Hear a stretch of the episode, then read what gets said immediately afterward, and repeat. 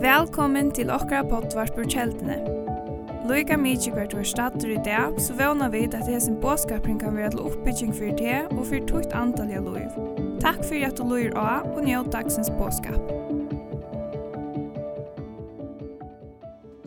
Jesus, we thank you Jesus, vi tackar dig that you are here today att du är här i det. with your Holy Spirit Vi tunn höjla i and andan your presence. och tunnar nerver. That we can worship you and honor you every every day and all. Och vi kommer tillbe till och ära det kvönt det av våra liv. I bless all the people here tonight. Jag siktar öll falskni här i det. In Jesus' name, Och Jesu namn. amen. Amen. Greet somebody around you before you're seated.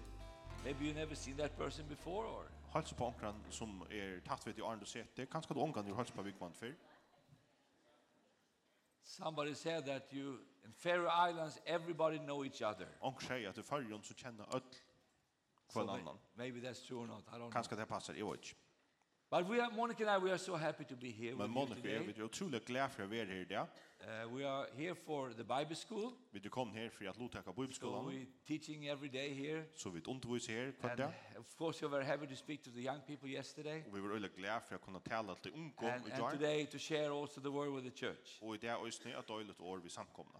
I, I'm, I'm, we are so, I said it and I say it every time. It feels like I'm coming home when I come Jeg sier det, og here. jeg sier det hver for det føles akkurat som å komme hjem til jeg kom her. We feel home here, we love it here, and we love you. Vi kjenner noen som hjemme her, vi elsker å være her, og You vi know- elsker tikkun. The Bible says that we, we must love thing, people, Bibelen sier at vi øye at elsker mennesker, but we don't have to like them. men vi prøver ikke at dame det.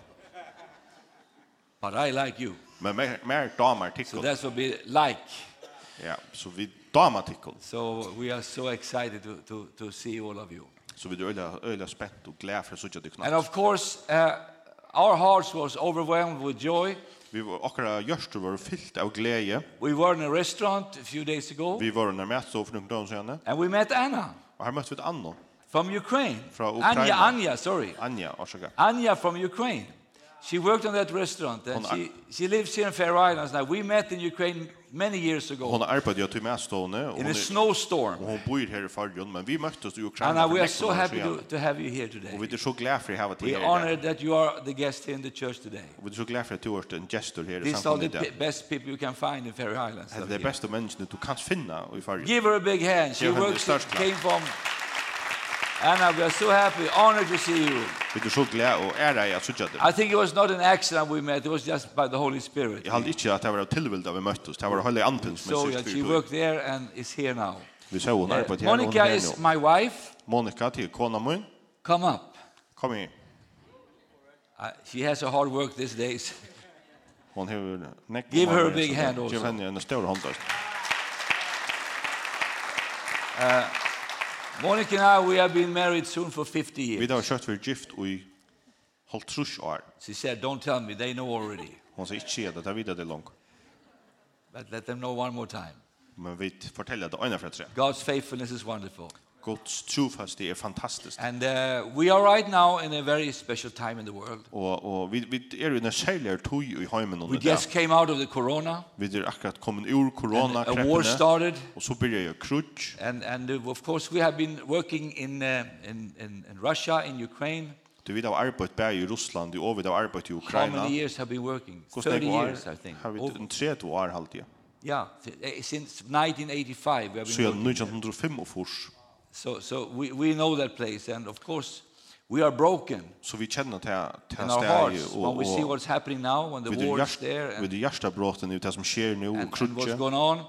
Uh, But we also felt that we cannot be paralyzed. We have vi, to do something. men vi følte oss til, vi kunne ikke bare være lamma, vi So må gjøre Monica has opp. been involved a lot in, in this work. Så Monica, hun har So vært why don't tidlig you say a lotus little nere. bit what we are doing a little bit? Skal du fortelle Lutzen om hva vi gjør? Yes, uh, I was standing this morning taking a shower up here. Jeg var her i morgen, så There's var jeg no under sound. brusen her i morgen. Can you hear? Yeah, they can.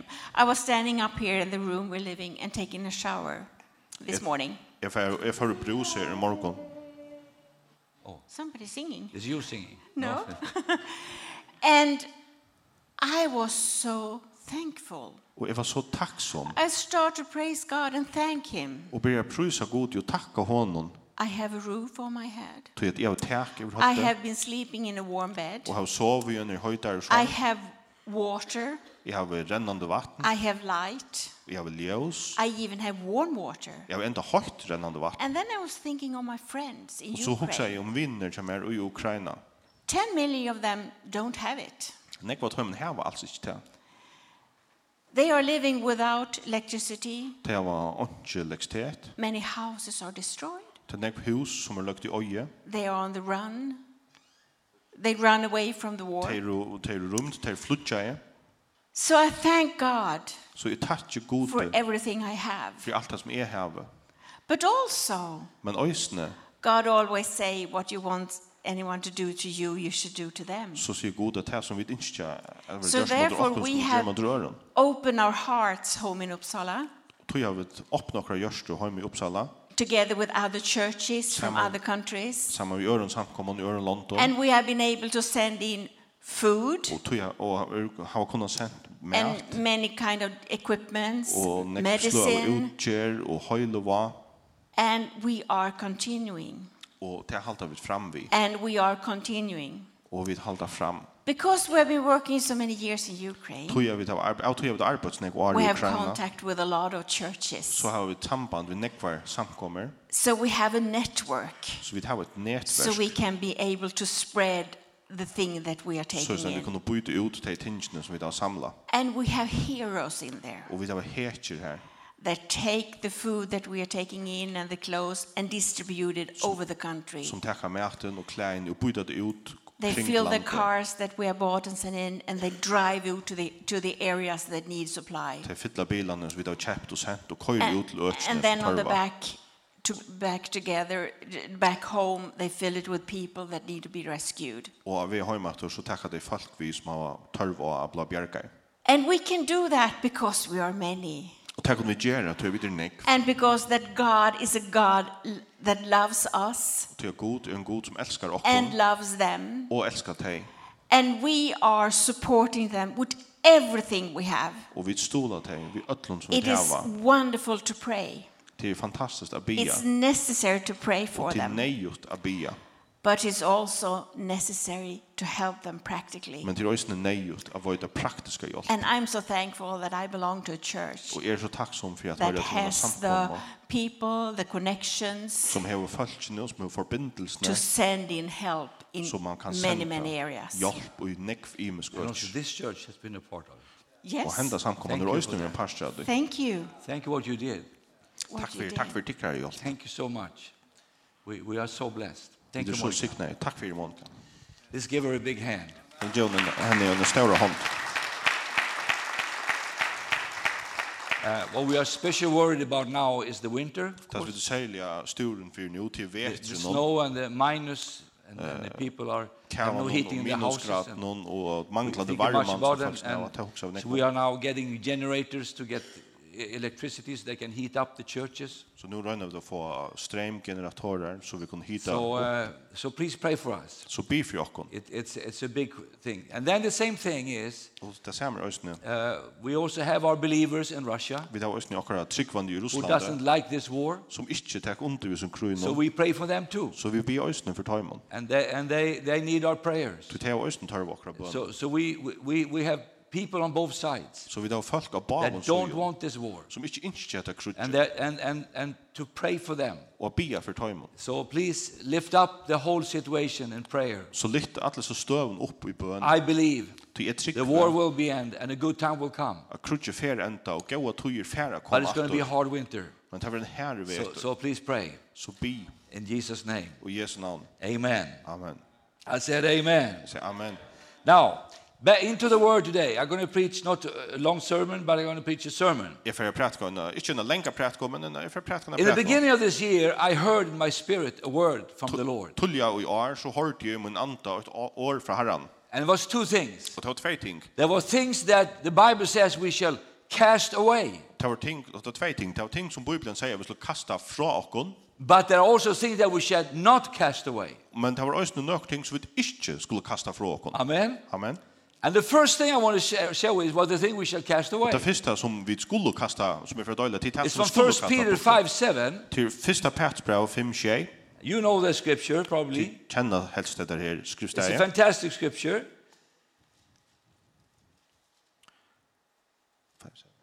Five seven, yeah. Første passbrev 5. Does it Shay? say cast away there? Ja. Ja, kast alla sorg tykkar av han, tog han hur omsorgan fyrir tykkon. Amen. Now we can go home and say there was a good service. Nu kommer fara hem och säga att det var ett gott möte. Amen. Amen. The Bible says we shall cast away Bibeln säger vi skulle kasta our cares. okkara And I have a stora word av for you han. today. Och jag har ett år till tog in i det. God will take care of you this winter. God skal täcka sig av tär och i händer och i veter. Amen. Amen. God will care for you. God fer av He's a omsorgan för tär. caring God. Ty han är en god som He hever cares for our omsorgan. needs. Han täcker sig av okkara But he tär. wants us to take our cares Men han vill häva vi kasta okkara sorg and okkara cast stora them upon him. och kasta tär av han. Amen. Amen. He doesn't want us to care it ourselves. And when we care things ourselves, we get tired. Ty tar vid stora sjolve så blev det Now, trött. I will not I will say today it's not easy all the time to cast your cares upon the Lord. Og jeg, jeg kan godt innrømme det, at det er ikke alt lukka lagt å kaste alle okra sorg av herren. I, I preached about this in one church one time. Jeg prætka i uenere samkommet om etter And the det sister came to me and said, Og en Carl, syster, hon kom did you til say henne. we shall cast all our cares upon the Og hun Lord? sier, skal vi kaste alle okra storan av herren? I said, yes. Jeg sier, ja. He said, what should I do then? Hun sier, hva skal du så gjøre? I'm worrying all the Ty time. er stor i alle fra omkron. That's my ministry to worry. Til min tjeneste, til er at stora. No, we shall not worry. Nei, vi skulle ikke I stora. said, we shall not worry. Jeg sier, vi skulle ikke I said, stora. we shall not worry. Vi skulle ikke stora. We shall take our worries and throw them away. Vi skulle takke okra storan og tvøyde der bostor.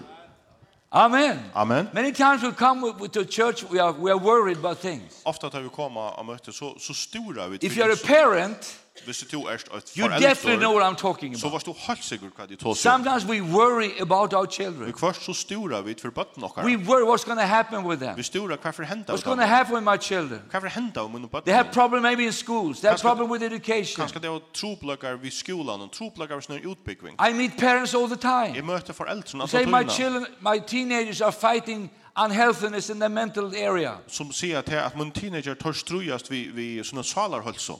They wor and we see and we get worried about it. Og så blø blø vi storen om What's going to happen with our children? Hva for henda vi What's for going to bøtten? happen with the future? Hva for henda What's vi going to happen with framtiden? inflation? Hva for henda vi inflasjonen? What's going to happen with the o- prices? Uh, Hva for Everything henda go up vi in price. prisen og alt for opp i And the whole prisen? world is in a mood of worry right now. Og, og allir høymeren er i storan But God has a word. Men God hever et år. I said God has a word Jeg for sier us at Gud today. hever et år til okkar Cast vite. all your cares upon the Lord. Kasta sorgtuna av He Herren. will care for you. Tui han hever omsorgan Woo, fyrir glory to tykkun. God.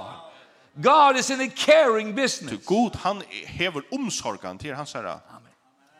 You maybe have a symptom in your body. Kanska du hever hever a And the symptom first i thing comes kroppen. is worries. Og det fyrsta du som kjem til den til storan. Ooh, my mother had the same. Å, mamma min, hon falt She i det died. samme. Hon døye.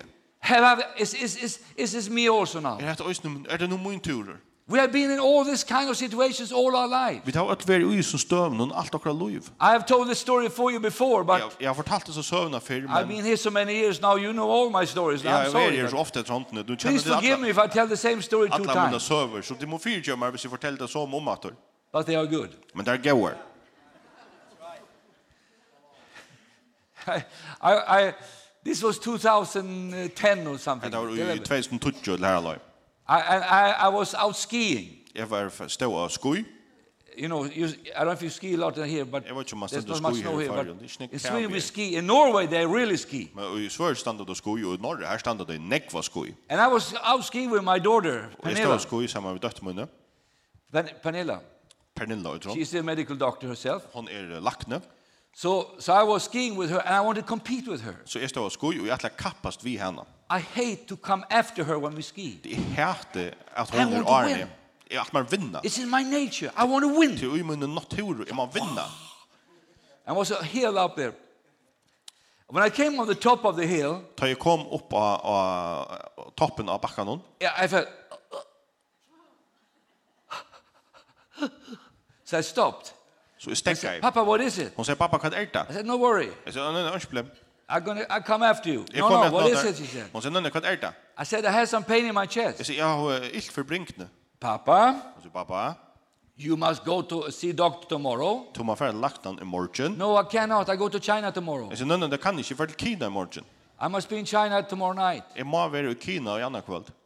Papa, you need to go and see doctor now. Og så, pappa, du må fære til lagtan. I said, I take later. So I, I, I Jeg sier, nei, flew nei, to søtten. China. Så jeg får til Kina, And when I landed in Beijing, og tar lente i Beijing, I walked like this så tjekker jeg såles nær. to my luggage.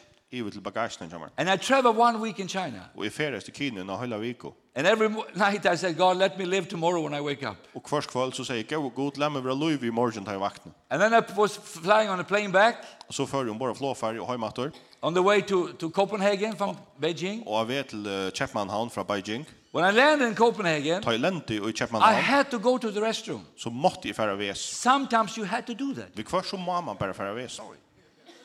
But the problem, I was sitting in the back of this plane, Men troblet ikke være at jeg sett aftast i and there flåfærene. was 200 Chinese before me. Og det var 200 kineser åren med.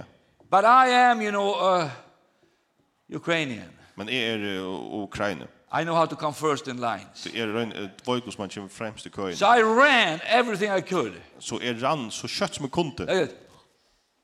And I passed Chinese after Chinese after Chinese. Og jeg rann forbi en kineser av fire og annan It was etter. fantastic Det var fantastisk. to be 200 Chinese. Jeg vinner av 200 kineser. I into the toilet, closed the door, Innan vese smekka i hornator and bam, I fell down. og smattel om. I was gone. Og jeg var vekk. And I woke up after, so- I don't know how long time. Og jeg vakna, jeg, jeg var ikke klonj, jeg var I vekk. had blood in my face Jeg blå i anlitt noen. because I hit the floor with the, just like that, you Så jeg know. rakte anlitt som jeg rakte And I called gulvet. my wife. I said, I, I think uh, I, Jeg ringte something til wrong with my kona. heart. Jeg sier, jeg halte dere gale i But I have to resten. catch the next plane Men jeg må nå at det neste flåfær.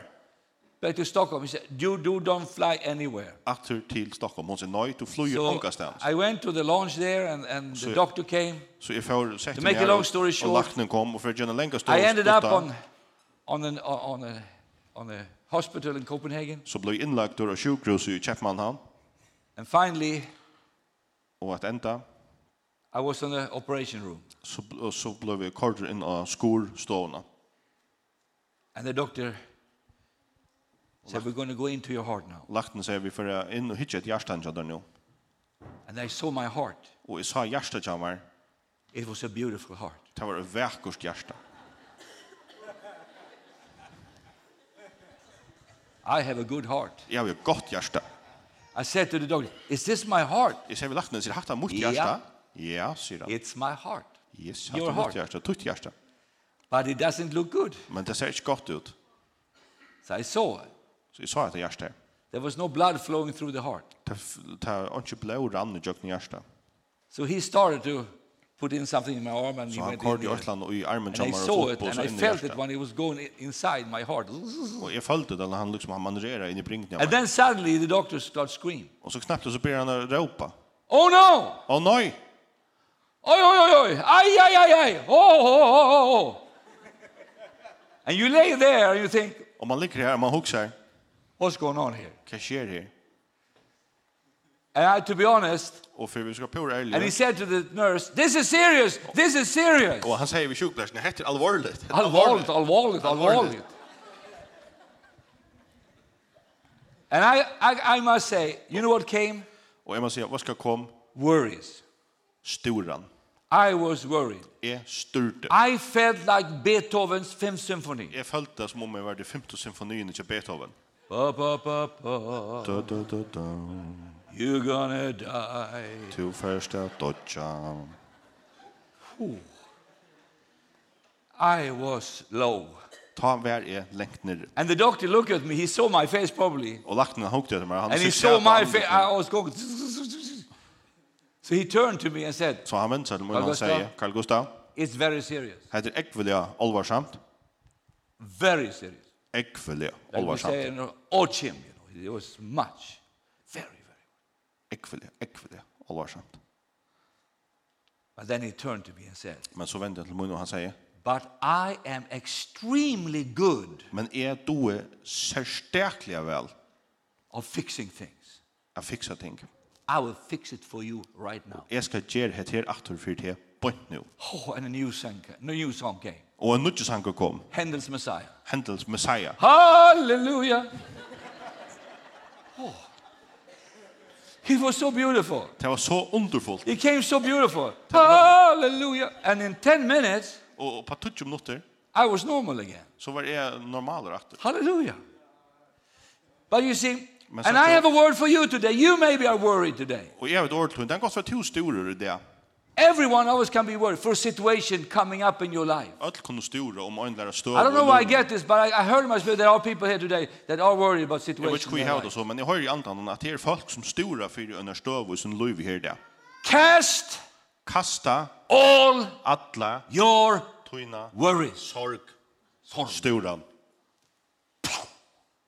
on him. og han. He cares for you. Tøy han hevur omsorgan fyrir tykkun. You maybe have a financial situation. Kanska du hører en futjalig That's very støv difficult for you. som er tro på. What about my future about that? Hvordan hvordan Cast all your financial situation on him. kasta tøyna futjalig støv og han. I remember one time I was in, in, in, in the Soviet Union preaching, Jeg minns øyne for jeg var så gjettsamvelt noen og prætgeie. and, and I had to go one morning. I was alone home, and mot we were världen. building a house, Og Monika hun var ansamvel heima, og vi var ferdig å bytja en hus, and there was some problem with that. og det var vi tatt og tropløkker vi tøy. So I said, Monica, what, can I go? You, you, you'll be alone. Jeg sier, Monika, kan du ferdig? Du var ansamvel. She said, Hun sier, Cast all your house upon the Lord kasta alt ut hus av herran. and on me. I fix it. She said. Og med, jeg skal nok ordne det. That's a good wife to do that. Det er en god kone som gjør det. Amen. Amen. I said, Amen. Jeg sier amen. But worries can kill us sometimes. Men altså, storan kan gjøre av jokken. Worries can destroy our life. Det kan ødelegge okra loiv. But God says, Men Gud sier, and, and the mistake we do many times. og feilen som vi ofte I'm gjør, personally here today. nå er, nå er jeg personer her, ja. We, we are family here. Ja, vi er familier. Okay? So, I mean, have you ever tried this when you have a symptom Hevd, nekker du rønte til det, man hever symptomer på akkurat, in your body? ui likamnon. That you do this Og så terrible gjør sånn og sånn. mistake. Like, Du gjør den her fruktelige Like støvla I did one time. feilen som jeg øyne kjørte. I went on the internet, Jeg får av nettet, internettet on Google, og Google. and when I saw, the, fir- I saw that symptom, Da jeg sa etter symptomer, I clicked on it. så truste jeg av det. It got worse. Og det ble verre. For every click I made, the worse it became. For hver jeg for truste jeg av, hver jeg for klikte jeg av verre ble det. After half an hour, I was dying, At når halvan tøyma, så var jeg via dodja according to internet. sambart internet noen gusser. Amen. But you know what? Men vart kvært, Monica came into the room. så kom Monika inn. I said, what are you doing, Carl Hun sier, Gustaf? hva gjerst du, Karl Gustav? I'm surfing on my symptoms. Jeg sier, jeg kan om mine symptomer av nettet noen. She said, Så sier hun, stop that. stekka. Surf in the Bible instead, she said. Du skal heldur surfa av biblene. Surf on the scriptures. Surfa av skriftstøvn. And that's a word I think is from the Lord Og today. jeg sier, det er et år fra herran. We shall not surf on our symptoms. Vi skal ikke surfa etter We okra shall not get symptomer entangled with the things going on in our lives. og flørkast opp i det som gong fyrir seg We løgnen. must start to surf and entangle in our solutions Vi of our skal life. heldur surfa etter og flørkast opp i løsnenar i okra løgn. Can everybody say amen to that? Kunne alt si amen til det. I know the cameraman getting nervous now. Jeg but vet at I'm, nå får kameramæren nervar. I'm sorry. Men eh, jeg kjenner det, tyvärr. I need to come down to my family. Ty jag har brug för att komma ner till mina I feel I'm familjer. sitting in heaven and you are Jag down føler on det the som om earth. jag sitter uppe i himlen och tittar ner i hjørnet. I love to see in your faces. Men damas väl så att det är anlit. But I want to say to you today, Men jag gärna se att det there's a är word from the Lord from to us today. till er fra ett år från Herren och And I ut. got this in the beginning of this year, Och effekten att ta tulla just i in the år end of the corona. t- som corona var vi att ända. Corona was terrible for many people. Till corona tar var förfärligt för näck människor. And, and, and many people started to worry about their lives. Och ta näck som börjar vara stora för sin What's löv. going to happen? What's going to happen in the future? What's going Kan to för happen with hända? this? Kan för hända av framtiden? Kan för But God hända has av hästen? always said to us, you see, let me tell you, God is not nervous of what's going on on the earth today. God han är inte er nervar um om det som gång fyra God i said- hemmen där. Oh, it's this. Han säger, Oh, er I didn't know that. Åh, nej, hette visst Now we inte. are all afraid in heaven. Och nu är det er öll bänken uppe i himlen. There is no fear in heaven. Til ongen øtti i himle. There is no cares in heaven. Til ongen storan i himle. There is intercession in heaven. Her til forbøn i himle. So my word for you today is this. Så mitt ord til tøyne det er hekta. Change your worries to prayer requests. Brøyt tøyne storan til bønar evne. Hallelujah. Amen. Take your worries and make a request in prayer. Takk det som du store fyrir og gjer det til en bøn. Amen. Amen. I said amen. Don't let the worries eat you up. La vera vi leta storan eta de opp. Have you ever been worried a whole night and couldn't sleep? Hef du nekkan du størst alt kvöld og du fikk sjove, And then you wake up in the morning and said, it was unnecessary to do. og så vakna du morgen etter og hugsa, ah, det var slett neiut. We have had many sleepless nights through the years. Vi har haft nekvar svønlesa nætter jøgn arne, But it's time for us. men til tui We say, God, til å sige you are god, going to carry me through this. tu for å bæra meg i jøgnen You're going to etter carry my family Tu through for å this. bæra min familie i jøgnen You're going to etter carry me through this sickness and Tu disease. for å bæra meg i jøgnen hessa You're sjukna, going to fi- carry me through this financial og i situation. jøgnen hessa futjali og Because trupakana. you cares for me. Tu tu hever omsorgan vi mer. Hallelujah. We shall, we shall cast. Vi skulle kasta, And that is, why I looked that up, that word cast. It's a forceful thing. ta i, ta i slært etter året opp, så er det nekka Ja. kraftut. Let's say this is my wife's, this is my worries. Forstid langt det, hetta her er mun storan. It's up, up here. The worries is not down here, it's here. Storan, hon er kjerner, hon er Between the ears. Mittlen øyrene tjokken. I look like a babushka there. Oh. This is how we look in the spirit sometimes. Så er det sånn vi ut i andan om vi It's kvart. hanging down. And God says, take God it sier, takk hetta and throw it upon the Lord. og kasta det av herran. And we do it. Yes, Lord, I will do that. Og sier, ja herre, og til gjer jeg. No. It's like a baby with this, Til what akkurat we call it to say, it's not med baten vi snir sotteklot nå. Sot.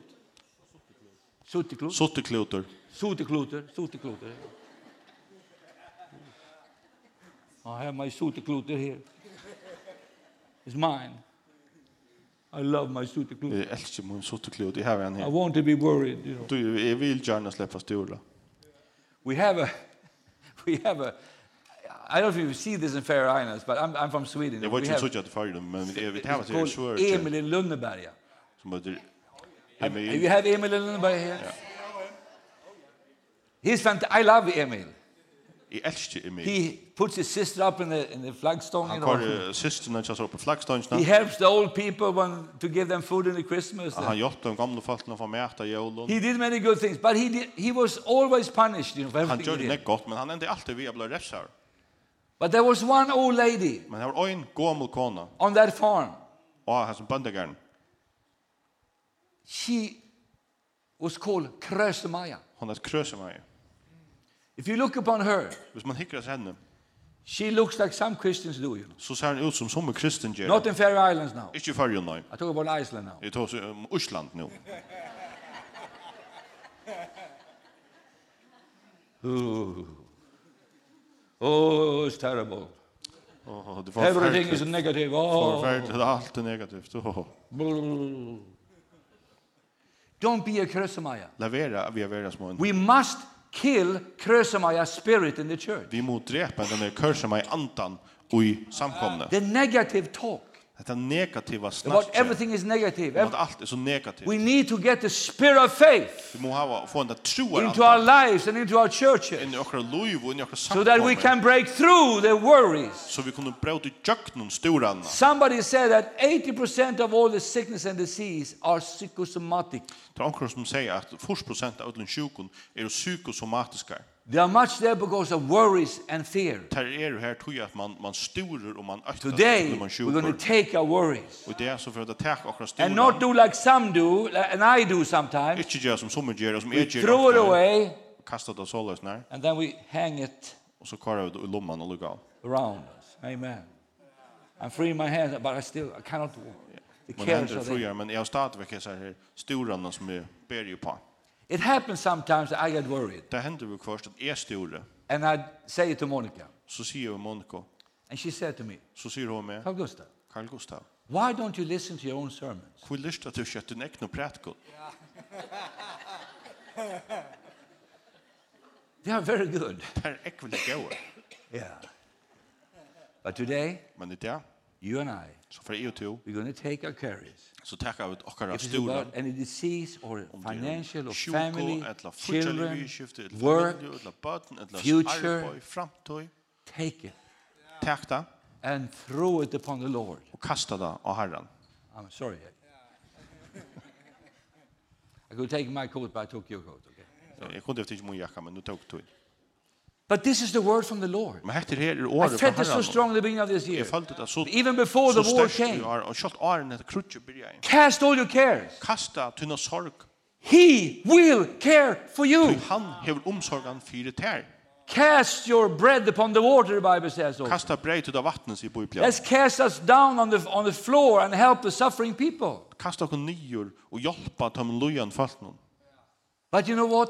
Men There are what's the things we shall not cast away. Men til sumt som vi ikke skulle kasta bort. Hebrew 10:35 says this. Og i Hebrea bara 12, 35 sier, Don't cast away your boldness. kasta ikke bort til dirve. It has great recompense of reward. Til det hever vissa staura løn. Hallelujah. I said hallelujah, glory to God. I said glory be to God. I'm preaching myself happy right now. Jeg præter ikke med sjåvan glean på. We shall not cast away our Vi boldness. skal ikke kasta bort okkar dirve. I think after corona, inferiority came much into the church. Jeg halde etter korona så kom øyne nek sånne ondlodde kjensler inn i Some people got new samkomna. habits. Så måtte vi ikke nudja venar. They didn't want to go to church anymore. Det er tjoa færa They were broken. Det var bråten. But you know, I believe, er Men vad ska jag trycka? this may be not on fair lines, but I talk about Scandinavia Nej, now. det är kanske inte förr, men det tar The som rest of the Skandinavien. Resten av hemmen. But you know, I'm so excited to say today Det är så spänt och glädje att säga det. that boldness is the way to God's heart.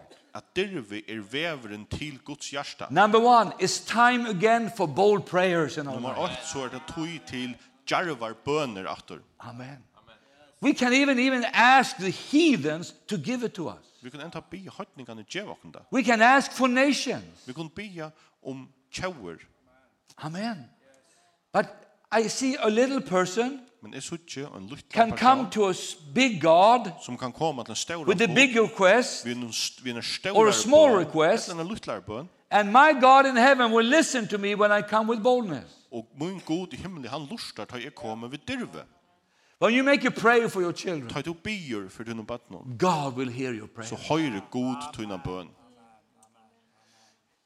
I, I met the one Pentecostal bishop in Sweden. Jeg møtte en, en, en pinsa biskop i Sverige. We had some challenges with our children, Så vi tatt noen erbjørnger av okkara with one bøtnor. of our child, Vi øyna okkara and I bøtnor. was worried about him. Og jeg styrte om han. So I shared it with him. Så jeg fortalte det fyrir He nere. said to me like this, Han sier så, Carl Gustav, Carl Gustav, God understands that we have problem with children. god skiler tar vi da troblagar vi okkara So bøtnor. he, why? Jeg sier, kvoi? Because God has problem with his children all the time. Til god til troblagar vi søgnum bøtnor alla tøyna. So God understands this kind of problem. God, han skiler vel hette slei av So when you troblagar. share your heart with Så him, tar du døylet ut hjärsta vi han, he listens to that. så lustar han et tøy. So it's time again to be bold. Så det er tøy aftur at er We hava maybe not dirvi. have it in our nature, but boldness brings Det er rewards. kanskje ikke akkurat natur, men dirvi har vi sørste Can I get an amen on that? Say after me, I will be bold in my prayers. Sier vi mer, jeg vil djarvor i munnen bønnen. Say one more time, I will be bold in my prayers. Sier det for seg at jeg vil djarvor i munnen bønnen. Amen. I said amen. But we will also be bold in our action. Men vi må også ha dirvi i akkurat handlingen. It's time for bold action in the body of Christ. Til tog til djarvar handlingar. It's time i to be Kristi bold liv. in what we believe in society. Til tog til å være djarv og tog som vi tryggva om Society is samfunnet. running over the church now. Til sam- Så uh, så samfunnet We are tar sitting there iverkar accepting samfunnet. everything. Vi No, we sitter don't bare have to her. accept Vi everything. sitter bare her og gautak alt. Nei, vi skulle ikke gautak alt. We are Christians. Vi er kristen. We have a right. Vi tar en rakt. Some people said you are not tolerate, Carl Gustaf. Så- Som han Tolerant. sier at vi tid er ikke tolerant. But these people has no tolerance against us. Men det er faktisk det er unga tolerans som er drakko. We have a right to believe the Bible. Vi tar rett til å tryggva Bibelen. I said we have the right to believe what is written in the Bible. Jeg sier vi tar rett til å tryggva tog And I'm not som ashamed of the gospel of Christ. og i Bibelen. Og jeg skammest ikke. I'm not til ashamed what is gledebåskapen. written in the Bible. Jeg skammest ikke til det som I er skrivet i believe what Bibelen. it says and I Til- will jeg trykker the ved rest tog- of my life I will believe what it says. Som hon sier, og derfor jeg gjør det I've resten av done mitt it liv. all my life. Jeg har I will gjort det continue alt to mitt believe liv, what the og jeg er word ferdig says. halda fram ved tog. I love everybody. Jeg elsker öll. If you know me, you know I love people. Hvis du kjenner meg, så varst du at jeg But I elsker love mennesker. the word of God more than anything else. Men jeg elsker år Guds møyre What is written, it is written. Det som er skriva, det er skriva. Amen. Amen. So we need to have bold action. Så vi må hava djarvar handlingar. We dare to do, bo- do bold things for Og Oh God. tåra at gjøre djarv ting for god. Well, sometimes I'm, Monica and I, we are talking about Vi kvar så through the många. years how ja. God has blessed our lives Vi through tar this. som god god til And I sikten fra think it's lov. good sometimes to remember what God has done. Vi halter vi kvar så godt at minnes det som god til gjørst. Amen. Amen. I remember years ago, like 1988, Jeg minnes for nekken år siden, i I watched the 1908 år, television så hukte jeg sjøen var, and I saw an earthquake og jeg sa et, ja- en jarsholta in, in, uh, in Armenia. i Armenia. Not I saw, didn't see the earthquake, but I saw the day after. Jeg sa ikke sjøen var jarsholta, men jeg sa at det hette var dagen etter. Nearly 100,000 people were dead. Nästan 100.000 mennesker var der. Three villages was totally destroyed. Trudja bygde var fullkomlig lagt der i øye. And my heart, I cut- just started crying. Og i min hjerte, jeg begynte bare å gråte. And I felt, Og jeg kjente, I must go to Armenia. jeg må fære til Armenia. I didn't know how to come there. Jeg visste ikke hvordan jeg I didn't her know til. anybody. Jeg kjente ongan. But a few months later, me and brother, we went down there. Men nekker mannen sa nu så får jeg og en bror til nye And her. we prayed and we were, the church was praying home. Og And, vi bo og samkommen hjemme bæ. and God opened the doors and go up and preach in that city that was Og earthquake god, was. han lät dyttner opp så vi kunne komme til And I den byen heard in og my prædika. spirit, Og jeg hørte i min you shall be ånda. a part of helping this nation back on its feet. Du skal hjelpe til å hjelpe hese her tjøvene. What could we do? Hva kunne vi I know gjøre? what we can do. Jeg vet hva vi kunne We gjøre. can preach Jesus Christ Vi kunne prædika Jesus with Kristus. boldness. Vi dirve. So I did something very special. Så I, jeg gjør noe særlig. I helt særlig. rented the opera house. Så er det løya i operasalen. That was a bold action that time. Det var en djørv Maybe- handling, ta i tøyne. And I- I cannot even to tell the whole story, but we rented the whole opera house. Jeg har jo stutt alle søvnene, men vi løya av atlan operasalen som han And when I var. came into the opera house, it was full of people. 500 people couldn't come in. Og da vi da jeg kom inn i et operahus, så var 500 folk, det var fullt. I said, wow, Og jeg sa, wow, this is fantastic. det er fantastisk. And the director, the technical director of the house came to me and said, Og den tekniske løyeren for etter huset, han Carl kom og sier, Gustav. Carl Gustav, it's too many people in the det er for building. nek folk i huset nå. We must take out everybody. Vi må kåre ødel ut. I said, no, we're just starting the Jeg service. sier, men vi byrjar nøstan Th- tjenestene. These are, these are not violent people. These are hungry people for God. Hette er ikke, ikke, ikke herlige folk, det er sveng etter gode. I'm going to close the lights Altså, jeg slett ikke ljøse, sier han. and your people will die. I Og så dodger jeg det. said, that cannot happen. Jeg sier, jeg blir ikke til. He was very respectful. He was bold. Han var djarvor. But you know what happened? Men hva skal hente? The spirit of boldness Anden, dirven, vi dirve, came into me. kom i med. Så jag said to Så my jeg sier follower, med igjen. take the director, Jeg sier, tek han den her lock him in on the toilet. løyeren og les han inni av vesenen. That's what we did. Det var det vi gjør det. May God forgive me. Man går tvir gjør meg. I did it. Så det gjør det. We locked him in. Vi lasta han inne. And I came back. Og jeg kom atter. The people saw, there were people sitting in the or- orchestra ditch, hanging the curtains. They were, ev- they were everywhere. Altså, det var folk som så ut i It was røven, Armenians det var fest, everywhere. Og det var folk, det var armener atlastands. And I said, what, what shall we do now? Jeg husker, hva skulle vi nu gjøre? And I saw a man, Og jeg så en mann he, he was writing on a paper. som satt og skriva. He og was pekka not på Armenian. bordet. Han var ikke armener. He was so sad. Han var så kjettur. So I thought, Så jeg husker, he must be from Sweden. han er sikkert og svørt. He looked like a typical Swede. Han så ut som en typisk svenskar. And I said, Og jeg sier, hello. hei. I said, hello. Han sier, hei. I said, where do you come from? Jeg sier, hva er du fra? Do you know what that man said? Hva skal han säga? Sweden. Svör inte. I said, I thought so. Jag ser helt jag huxar i er allt. Fantastic. Fantastiskt. Hallå, sa jag. Gott att se dig. Jag är också från Sverige. Oh. I said, who are you? I, I'm a journalist, he Han said. säger, är ju tunda med år. I do, I, I, I checking, uh, what what is this, he said. Han säger, vad vad är det till för näka? I said, this is a Christian meeting. Jag säger, heter en kristen eh, We're going ett to möte. preach the gospel Vi here får prata glädjebåskapen. for the people here. För folken som är här. Oh, he said, Ja, säger han. it's a Christian meeting, so many people. Jag säger, kristen möte, det är snäck folk. And I never forget Och i What the Lord said to me. Ta i herren han when I säger mig. saw him and I saw the people. Ta i så han och så folkene.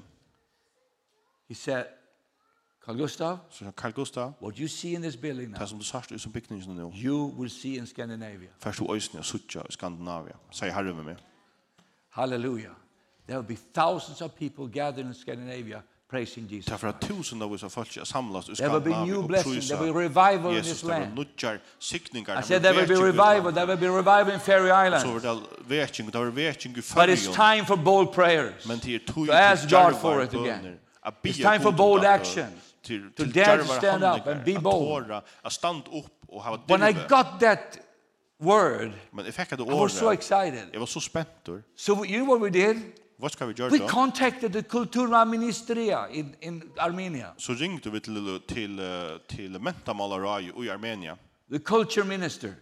och Mentamalajarherren And he said to us, och han säger I will give you the biggest stadium, till skulle få att här största stadion 10,000 people. 20000 folk. Ooh. I was really shocked when he said it. Jag var We skälkad wrote att the han säger contract. det. Vi skrev av en sottmala And that night, Mordecai was with me also. You, och tack you know what I'm kvällen saying now. Monica var med mig från Is minnes det. it true what I'm saying? Passar det som jag säger? Thank you. Ja, tack. And we walked hand by hand into that big building. Og vi gingo hand i hand inn i den store There was not bygningin. 10,000, it was 12,000 people. Det er var ikke 2000, det var 12.000 folk. I wa- Biggie, this was a wonderful day in my life. Dette var en fantastisk dag i okkur løy. To move, go in there. Affær inn her. And then Og ta, a telephone come, came from the Kultura Ministry. så ringt, eh, ringte telefonen og ta av fra We have kulturministeriet. changed us. We have changed. Vi tar av ombestemma okkur. There will be no preaching in that building, Vi tar ombestemma okkur, og de slipper ikke å prætika ui som stadion. only concert, Bæra konsert. not preaching. Ikke lov å prætika. I said. Hmm. And for the first time in my life, Og for fyrst og fyrir mun I get a løyve, thought. så fikk jeg en tanka. I'm not a singer, Jeg er ikke en sangare, but I will be one tonight. men jeg får være øyne i kvöld.